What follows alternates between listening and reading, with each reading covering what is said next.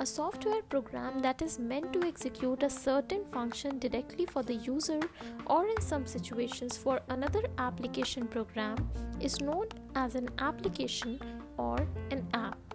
There are several benefits that can be taken from the mobile apps, which include firstly, a wide range of interaction possibilities. Yes, the mobile applications provide consumers with a far wider range of communication choices. This is because the developer's vision and money are the only constraints for app usability and design. The second is reloading in real time. Another unique selling point of mobile application is the ability to dynamically reload content. It's important to note, however, that this does not affect the app's core functionality, which may be changed through updates. The third is obtaining a market competitive advantage.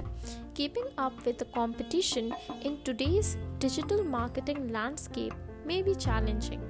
Mobile applications provide you with a major competitive advantage, and the fundamental reason for this is ever changing client behavior the desire for instant communication, and a greater reliance on mobile devices.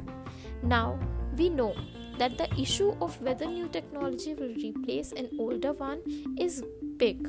While some experts believe that chatbots will eventually replace apps, others believe that they will coexist and even complement each other for a few years. But first, we should know that both of these technologies are important for our development in business. Thank you.